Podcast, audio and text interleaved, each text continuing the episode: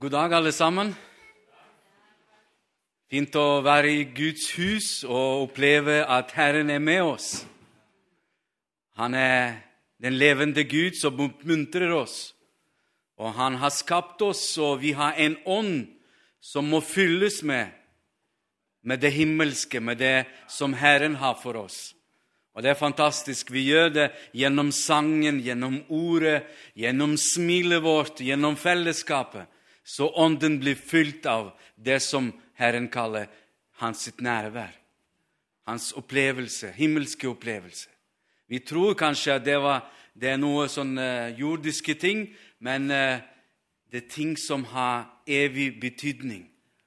Når Gud kommer til, og vi hører sangen, og det kommer igjennom inn i ånden vår og beveger oss, og så blir det jo ha, Golgata, på nytt. Og Jesus. Du får møte på nytt med Jesus. Fantastisk. Tusen takk at dere står på og synger og priser Herren. Eh, I dag vil jeg presentere litt fra Ukraina, fra det arbeidet vi gjør eh, i menigheten vår. Vi har en utpostarbeid. og vi har begynt eh, der for to år siden å, eh, virke der. Og så Herren har åpna i en by det er 15 km fra min by. Eh, vår by er ganske stor, 800 000 mennesker. Og vi har begynt å jobbe i en kommune som er kanskje 30 000. Og denne byen hvor vi satser på nå, det er 10 000 mennesker. Og Herren har åpnet uh, veier for oss, og vi har begynt med det lille. Og jeg begynte å sende ungdommer og jobbe der og treffe folk ute på gata. Og så begynte det å åpne seg spesielt iblant barn. Eh, om sommeren vi hadde sånn sommerleir eh, om dagen. Eh, flere, flere dager, fem dager i uka.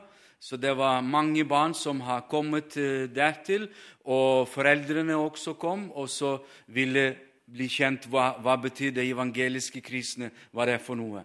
For uh, i Ukraina, der jeg bor, i Vest-Ukraina, så katolisisme står veldig sterkt på. Men ellers, det ortodokse over hele Ukraina, de, de har mest innflytelse.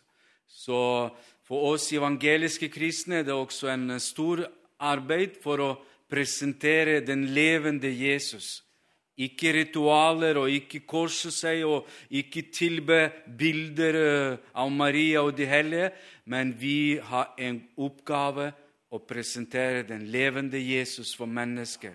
At de kan møte han, oppleve han og leve med han 24 timer i døgnet. Amen. Amen. Så Frans skal hjelpe meg å vise noen bilder.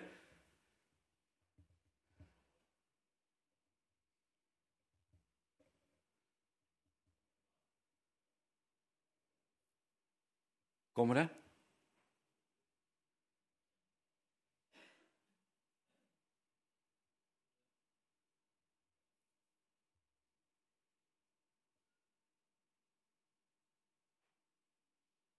Vi har noen bilder som dere kan eh, være med og se og hvordan det er eh, der ute hos oss.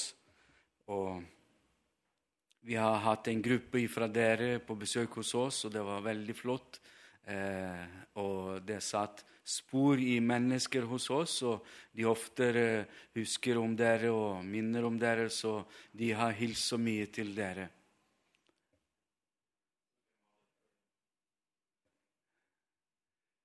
Så eh, vi jobber der, eh, og det var eh, Ja. Eh,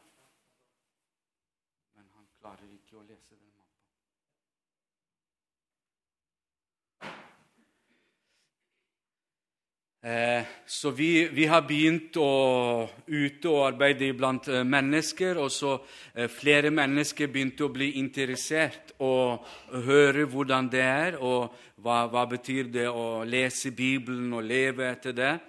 Så eh, vi begynte å leie et rom i sentrum av denne byen eh, på 40 kvadratmeter, hvor vi begynte å invitere først barn, tenåringer og ungdommer til å hadde forskjellige møter og Eh, hver, hver, uke, lørdag og søndag, reiser våre ungdommer dertil. Og så presenterer eh, Jesus og har forskjellige leker og undervisning og, og forskjellige ting de opplever sammen med, med de barna som er i den byen. Og så blitt eh, litt mer interesse blant eh, voksne folk, og vi måtte starte også noen møter for voksne folk, eh, og det begynte vi å gjøre det på fredager. Og vi leser Guds ord og sånn, sitter i en ring og, og prater om forskjellige tema og praktiske, det er hvordan du kan oppleve Jesus, og hvordan du kan leve etter det Bibelen sier. og og folk er interessert. Så det vokste til at om fredager, på fredagene kommer kanskje 20-25 stykker på møter. Og på lørdager det kommer rundt 30 barn som uh, har det veldig fint og, og, sånn. Og på søndag formiddag uh, en av brødrene Ja, det her har vi bilder. Det er ungdommer som har, om sommeren har hatt leire for barn. Og det kom masse barn, og de ville leke, og vi har en trampoline og, og, og så forskjellige ting. Så det var veldig gøy. Vi kan se neste bilde. Eh, det også har åpnet seg i denne byen eh, at eh, våre ungdommer begynte å komme på skoler. Det er to skoler, svære skoler, og lærere har åpnet seg. Og vi har en ung kar som hjelper veldig mye. Dere kjenner Ivan. Og han eh, underviser på skoler og, eh, og om livet, om forskjellige ting fra det, hvordan ungdommer kan oppleve ting, og moralen og andre ting, og sånn, og, og ikke drikke og ikke sånn. Så også fortelle om Jesus, at det er Jesus som kan hjelpe. Så, eh, og så lærere var forundret over det at Ivan kom på siste timen og barna gikk ikke hjem. De venta på han, og de ville høre på. Så det har skapt rundt 40 tenåringer som hører på, på, det han sier, og han synger for dem. og sånn.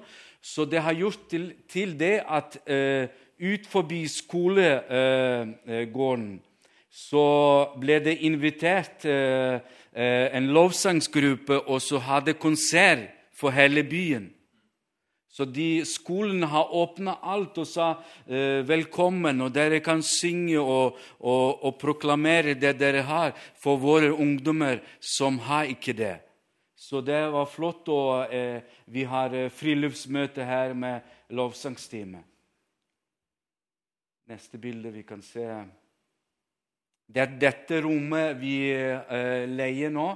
og Det er rundt 40 kvadratmeter. og der kommer eh, folk, og vi underviser og samtaler og snakker sammen. Ja. Og denne gjengen de samler seg på søndag formiddag og setter seg eh, i den bussen og i andre busser, og så kommer de til vår, vår, vår, på våre møter på, formiddag, på søndag formiddag. Og, og, de er veldig takknemlige, og flere barn begynte å komme på søndagsskolen hos oss i menigheten. Og eh, foreldrene sender sine barn og sier vi vil at barna skal få tak i det dere har. Og det er fantastisk. Og eh, en gjeng med familier, unge familier og unge jenter vi ser, og eldre folk som eh, vil komme og, på møter og oppleve Jesus. Ja. Og vi har bedt til Gud at Herren må hjelpe oss i denne byen, at vi kunne få noe mer og en eh, egen plass hvor vi kan samle folk og utvide arbeidet.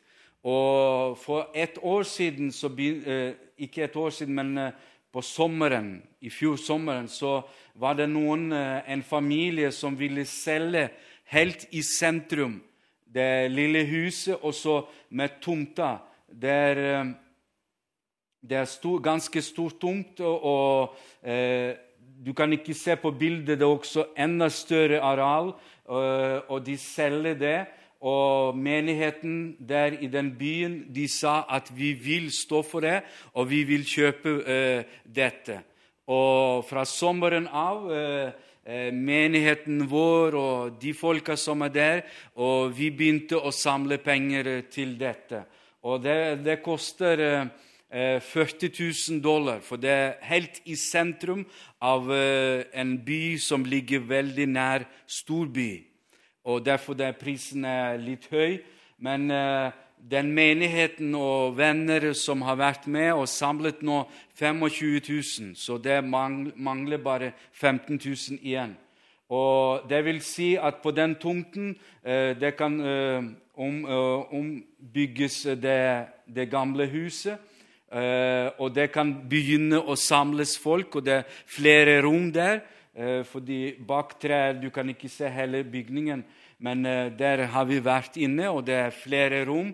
og Barna kan komme, ungdommer kan komme, og vi kan slå gresset og lage litt sånn fint og sette trampolin og andre ting og eh, invitere folk. Og det er helt sentralt. Eh, hvis, du, hvis eh, eh neste bilde Du ser det at eh, det krysser hovedveien fra byen, og det går andre Det er liksom flere veier som går for, uh, sammen. Og så det, Midt i det krysset så står det den tomta som vi tenkte å, å kjøpe og, og, ha der og jobbe der for Herren. Så eh, gruppa som dere har vært hos oss, dere har gått forbi dette eh, huset. og Vi gikk med Gert Ove og sa vi ville ha eh, et lokale der. Og, eh, og, i første linjen, det heter. Ikke sant? Ikke bak. Bak i skogen noen plasser. Men vi drømte om det at det skulle være sentralt, at eh, lokalet skal være sentralt og synlig.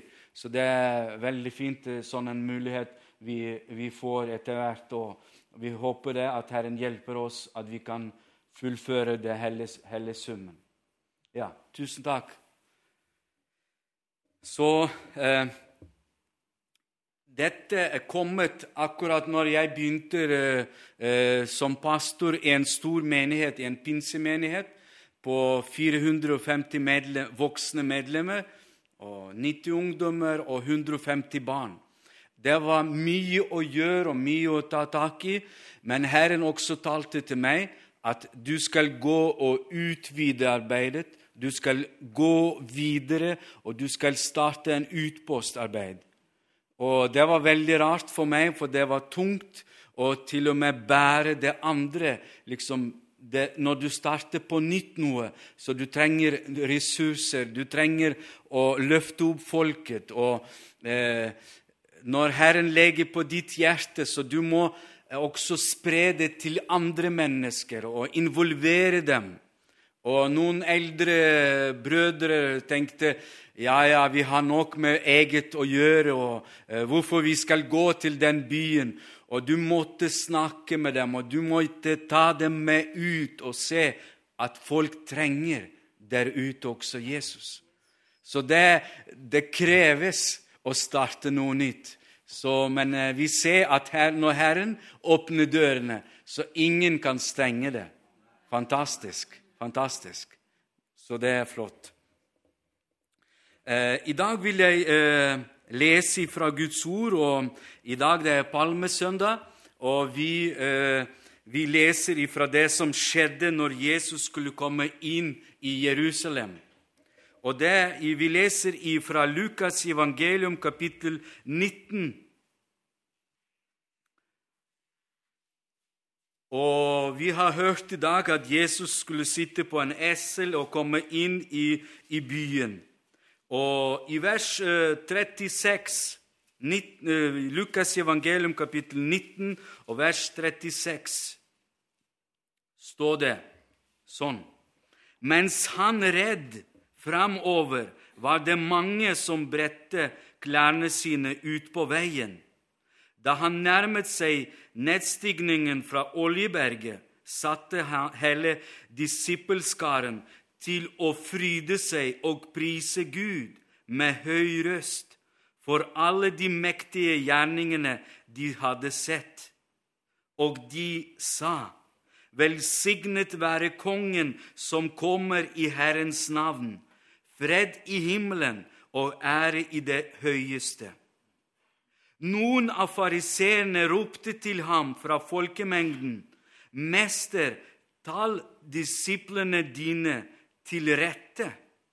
Men han svarte og sa til dem, Jeg sier dere at om disse skulle tie, så skal steinene rope. I dag vil jeg snakke om det som eh, er viktig for oss som kristne mennesker. og Det står i Salme 33, og det står at for lovprisning sømmer seg for de oppriktige. Lovprisning sømmer seg for de oppriktige. Det sier en salmist eh, om, eh, om det at når du lovpriser Herren, så Herren har vel behag i det. Når du kommer til Herren med hjertet ditt som er åpent, som er i tilbedelse innenfor Hans åsyn, så det er tilbehag for Herren. Og vi leser det at eh, det var store mengdeskarer av disipler, Jesu disipler, og folk som eh, så Jesus som vandrer inn i Jerusalem, kommer inn i Jerusalem. Og det står at de begynte å lovprise Gud. De begynte å fryde seg og prise Gud med høy røst for de mektige gjerninger Herren hadde gjort. Det var fantastisk jubel og fryd iblant disiplene til Jesus. Og mange folk kom og, og bare med høy røst og lovpriste og sa Takket være Jesus og takket være Gud og Hosianna og velsignet være Kongen og fred i himmelen og ære i det høyeste.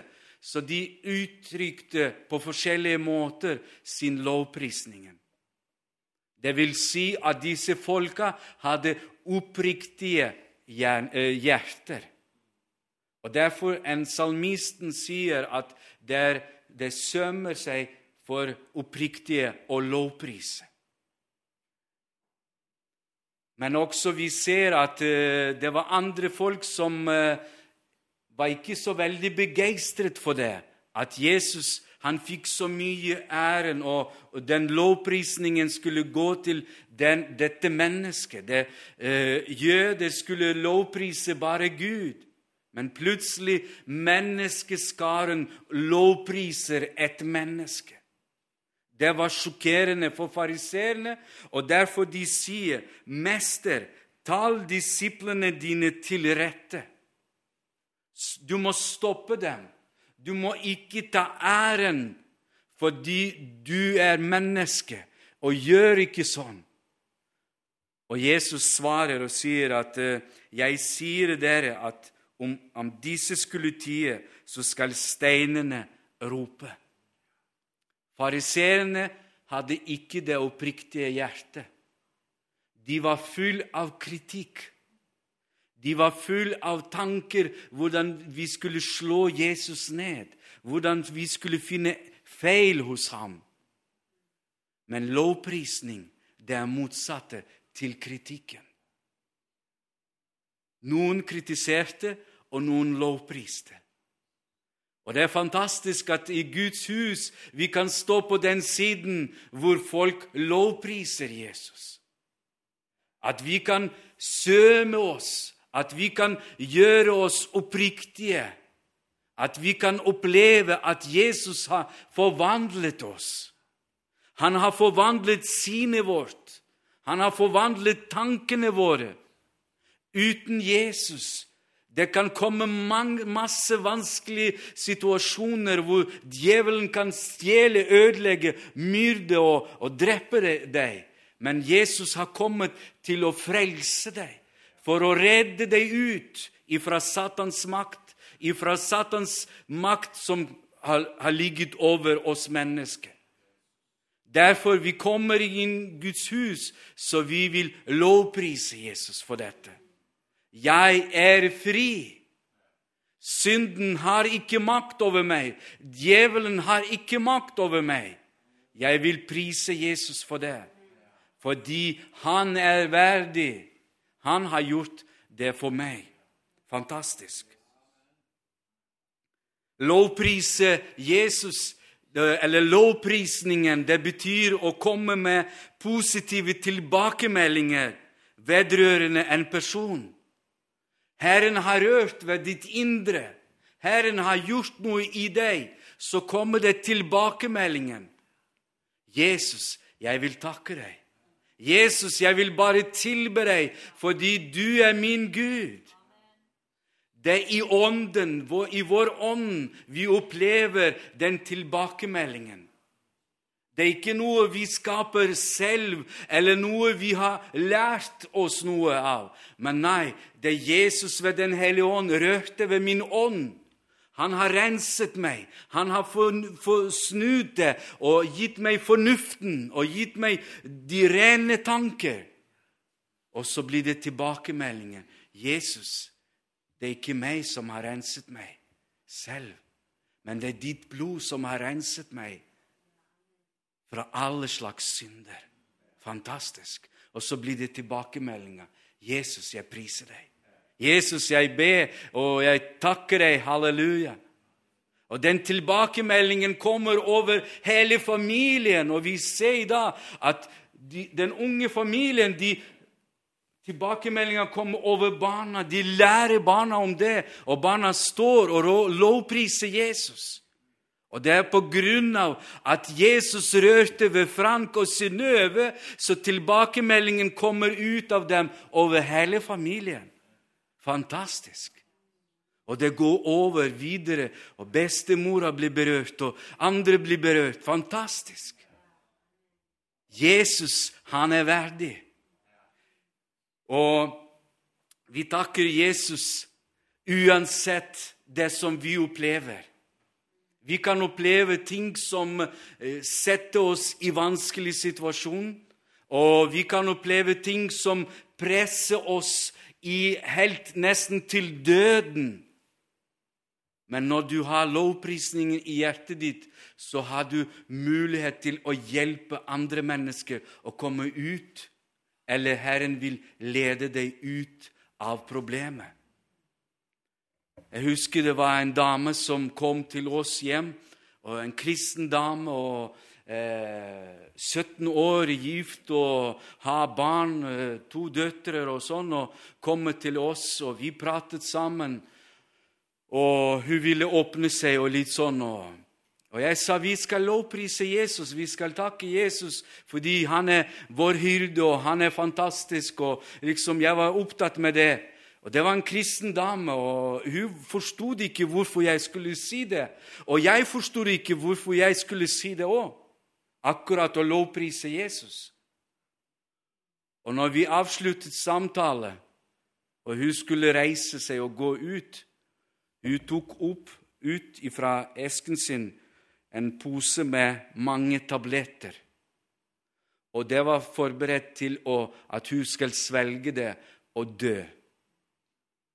Den eh, dødens ånd har vært over henne, og hun ville ta livet sitt. Det var så sterkt og vanskelig, og jeg skjønte ikke. Jeg skulle kanskje snakke andre ting. At uh, Ta sjelesorg og prate litt og sånn. Men nei, hun sa, 'Jeg må åpne meg'. Jeg vil ikke gjøre det jeg har tenkt å gjøre. Jeg vil ikke ta livet mitt nå, fordi det har skjedd noe. Det har skjedd noe. Jeg har, jeg har forandret tankene mine. Djevelen har lurt meg. Han har lurt gjennom mange ting meg, og han har presset meg til døden. Tenk på det. En mann sitter hjemme. To døtre sitter hjemme, og mora skulle ta livet sitt. Heldigvis hun kom til hjem, hjem til oss og enda mer det at jeg sa vi skal lovprise Jesus. Det passer ikke i den situasjonen å lovprise Jesus og snakke liksom positive ting. Du skulle tenke og riste i hodet og si og finne på noe det som Du skulle grave inn det som skjer med mennesket, og du skulle hjelpe å komme ut av den situasjonen. Det har vi gjort med andre mennesker. Men akkurat i det tilfellet Herren tok over taket over denne situasjonen. Og vi bare sammen begynte å prise Herren. Og vi ba sammen, og vi takket Jesus fordi han er den fantastiske Gud, og at han har evigheten for henne, at Jesus har noe framtid for henne, og at Jesus vil velsigne henne, at Herren skal bevare henne, og vi takket Jesus for det. Og når du vet at et menneske hadde våget å ta et sånt skritt, så blir du redd. Neste dag og neste dag. Og jeg ringte til henne neste dag og spurte hvordan står det til. Tankene forsvant. Jeg vil leve med Jesus. Jesus er min hyrde. Og den dama er lykkelig i dag, og det har vært for to år siden nesten, og hun lever og priser Herren. Og hun gleder seg. Og to døtrene har giftet seg bort, og, og, og, og det er helt fantastisk. Og hun sier, 'Herren er vidunderlig Gud'. Så lovprisningen, det er en våpen mot djevelen. En sterk våpen mot det tanker med de, Djevelen bruker tankene. Han bruker sin våpen. Og de som lovpriser Jesus, de får et oppriktig hjerte. Og så de vet at de vil leve. De skal ikke ta livet sitt, men de skal opphøye Jesus. De skal bli brukt av Herren og velsignet av Herren. Så fantastisk. Vi skal lovprise Herren uansett situasjonen. Om det er sykdommer eller andre stridigheter eller vanskeligheter som kommer, og finanskrise kan komme. Jeg kan lovprise Herren og si, 'Herre, jeg kommer til deg, og jeg tilber meg, fordi du skal stride for meg.' Du skal stå framme, og du skal hjelpe meg. Vi kommer eh, også til Det gamle testamentet, og det er i andre kronikebok, kapittel 20. Det står også om det at eh, til Israel, til jøder, kom det mengder av folk, fiender, som skulle ta over landet. De skulle krige imot jødefolket. Og det står at, eh, at eh, det var en konge som Josafat. Og han hørte det, at det kom en skare av fiender som skulle stå imot ham. En konge, det er en leder. En leder som må ta valget. Hvordan du skal lede folket. Og skal, hvor skal du lede dem når fienden står ved døren? Hva skal du gjøre? Og Josafat han begynte å snakke om sin Gud og om den, at han er allmektige Gud. Og han begynte å fortelle folket at Gud han er den allmektige. Og så skulle de samle seg, og de skulle krige mot den skaren av fiender. Og Vi leser her i andre eh, kronikebok, kapittel 20, og vers 20. Så sto de tidlig opp neste morgen og gikk ut til Tekoa-ørkenen. Da de dro ut, sto Josafat fram og sa:" Hør på meg, Juda og dere som bor i Jerusalem. Tro på Herren, deres Gud, så skal dere være trygge. Tro på Hans profeter, så skal dere ha framgang. Da han hadde rådført seg med folket, utnevnte han dem som skulle synge for Herren, og dem som skulle love hellighetens skjønnhet mens de gikk ut foran Herren. De sa, Pris Herren, for Hans miskunnhet varer evig.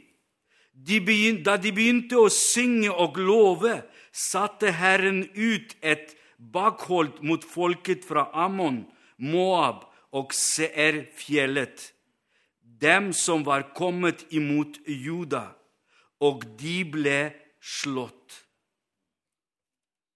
Bare tenke på det som jeg sa. Uansett situasjonen du møter i livet, så kan du lovprise Herren. Josafat og jødefolket det er en eksempel for oss. De ser mange fiender står foran dem, og det er en krise. Og de kommer til å bli drept og slått ned. Og Josafat samler folk. Han samler levitene, og han samler folk og sier, utnevner han dem som skulle synge for Herren. Josafat, er du gal? Kanskje det presset du opplever av fienden, at du ble litt sånn skadet i sinnet ditt. Hva slags sangen og lovprisning til Gud har noe å kjempe imot fienden? Du skal samle sverder, og du skal finne soldater, og du skal pakke alt sammen for å besvare hele folket. Josafat, du er en leder, du må tenke klart, ikke dumt. Men Josafat, han sier, tro på Herren. Tro på Herren. Vi skal synge og lovprise Herren. Og fienden, når de fikk høre at jødefolket begynte å synge, så tenkte de de er blitt helt gale. Det er veldig rart. Men de begynte å lovprise Herren, og Herren begynte å stride. Og så de ble slått ned. Det står at når de kom til det herskere, det til fiender, ingen var levende. Alle døde. Det er også i ditt liv. Du kan begynne å kjempe imot problemet og vanskeligheten og situasjonen og finne på med dine tanker og med det du, du kan. Og du kan streve og ha det vanskelig. Men jeg vil anbefale ta en halvtime, tilbe Jesus. Lovpris Jesus. Si takk til Han for det han, gjør, det han skal gjøre. Kom til han og tilbe ham, lovsing ham. Og vil det snu seg situasjonen, og det vil løse seg problemene og lenkene til og med. Og Når jeg sier dette, så kommer dere også med tanker sammen med meg til apostlenes gjerninger, kapittel 16, hvor Silas og Paulus var i fengselet. Og de var bundet og de måtte sitte i mørket. Men ved midnatt de ba og lovsynge. Begynte å lovsynge Herren og lovprise Han. Så snudde det seg. Dørene åpnet seg, ristes. Lenkene rassa ned. De ble fri. Hele situasjonen begynte å snu seg. Fangene kom til frelse.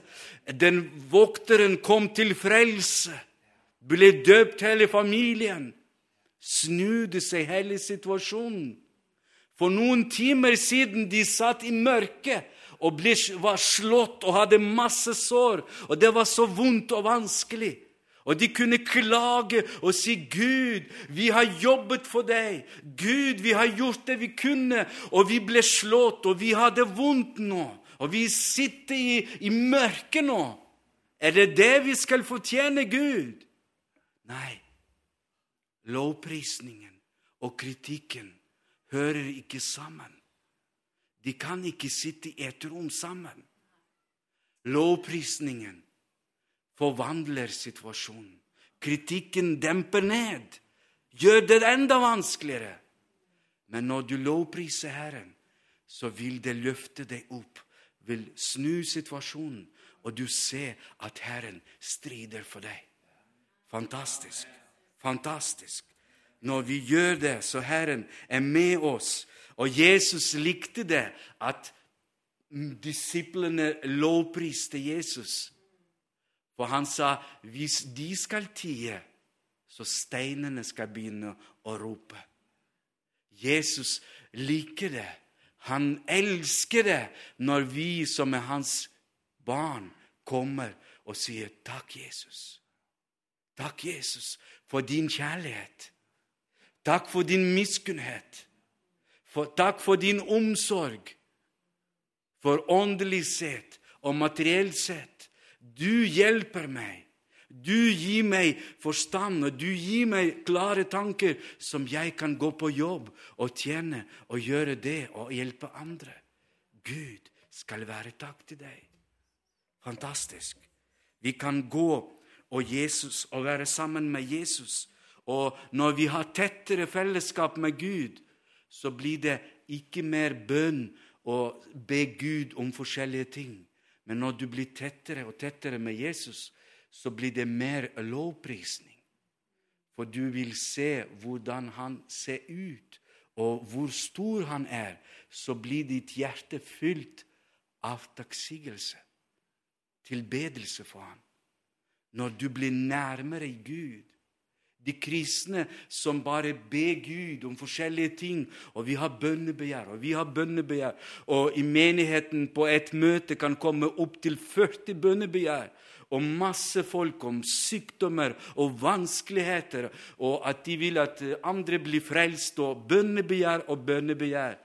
Men Gud, han vil at vi skal komme nærmere til Han.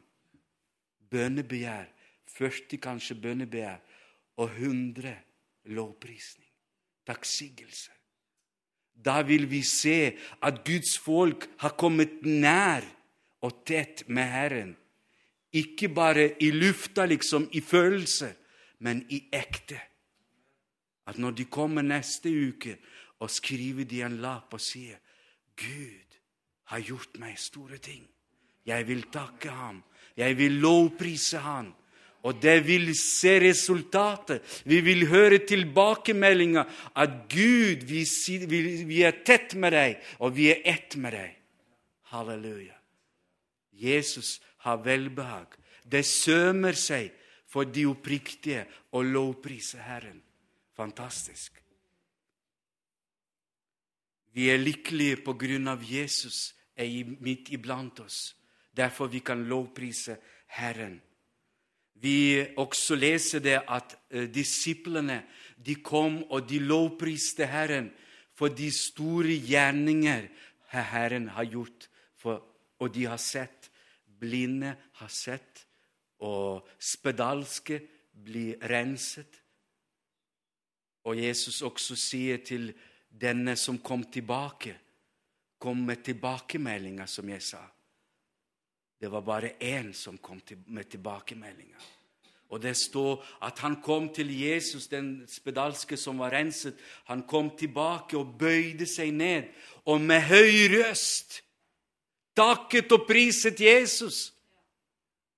Og Jesus sier, 'Var det ikke ti som ble renset?' Det viser oss i Guds ord at Gud vil ha tilbakemeldinger. reaksjonen. Gud vil ha reaksjonen. Ofte vi mennesker vi vil bare få og få og få. Den egoismen kan også gjøre noe i oss. Men Jesus kom ned til denne jorden, og han har ofret seg selv. Og han fornektet egoismen, og han vil at også vi som et kristne menneske vi skal vende oss ifra egoisme til lovprisning til Herren. At vi skal komme tilbake og bøye oss innenfor Herren og si takk, Jesus. Halleluja. Du har helbredet meg. Du har forvandlet situasjonen. Og du har gjort det, Herre. Og du skal ha pris ifra min munn. Halleluja. Priset være Gud. Halleluja. Og det er fantastisk at uh, gjennom forskjellige ting vi kan oppleve at Gud er med midt iblant oss. Og når vi, når vi lovpriser Herren, så da opplever vi at Herren er stor, og vi blir mindre. Og da søker vi mindre av oss selv. Da tar vi ikke æren ifra Herren, men vi gir æren til Herren. All ære skal være til Herren. Han har all makt på jorden og i himmelen. Han er verdig. Han har. Så vi skal komme tett til Han og oppleve det. Og når vi lovpriser Herren, så vi kan uh, nyte av det som Herren har. Vi kan nyte hvor fantastisk Gud er. Og så ble du påvirket. Så sterkt som Moses når han var oppe på fjellet. Så skyndte han sitt ansikt så sterkt at når han kom ned, så folk kunne ikke se han, hans sitt ansikt, for det lyste så sterkt. Lovprisningen forvandler ditt indre og også ytre sett. Lovprisningen, når du lovpriset Herren og kommer hjem nå, så det kan stråle glede, stråle kjærlighet, stråle freden ifra deg til andre mennesker. Og de kan tenke 'Å, jeg vil ha det samme'. Fantastisk. Så jeg vil avslutte det, og det er også vi kan si det at englene som er oppe i himmelen, og de ser ansiktet til Herren, og de lovpriser Herren, ærer ham 24 timer i døgnet. Hvorfor det? Fordi de ser Hans herlighet. Og de kan ikke gjøre noe annet enn bare tilbe Han og lovprise Han. Og Jeg skal avslutte med det som står i Hebrevebrevet, kapittel 13 og vers 15. La oss derfor ved ham alltid bære fram lovprisningsoffer for Gud. Det vil si frukt av lepper som lover hans navn. Fantastisk. Han som skriver Hebrevebrevet, sier alltid bære fram lovprisningsoffer for Gud. Det er en annen tema som jeg kan fortsette en annen gang, kanskje. Men lovprisningsoffer, det var for jøder, for, her, for jøder og Israels folk som kjente til offer, brennoffer. Forskjellige offer, de, de, visste om det. Så derfor eh, står det 'bære fram lovprisningsoffer for Gud'. Jøder må hele tida, israelittene må hele tida bære forskjellige offer til behag for Gud. Så det er også Vi skal ikke ha noen dyr eller fugler, men det er så enkelt for oss. Det står frukt av, frukt av lepper som lover Gud, vår Herren. Fantastisk. Det er ikke så vanskelig å lovprise Herren.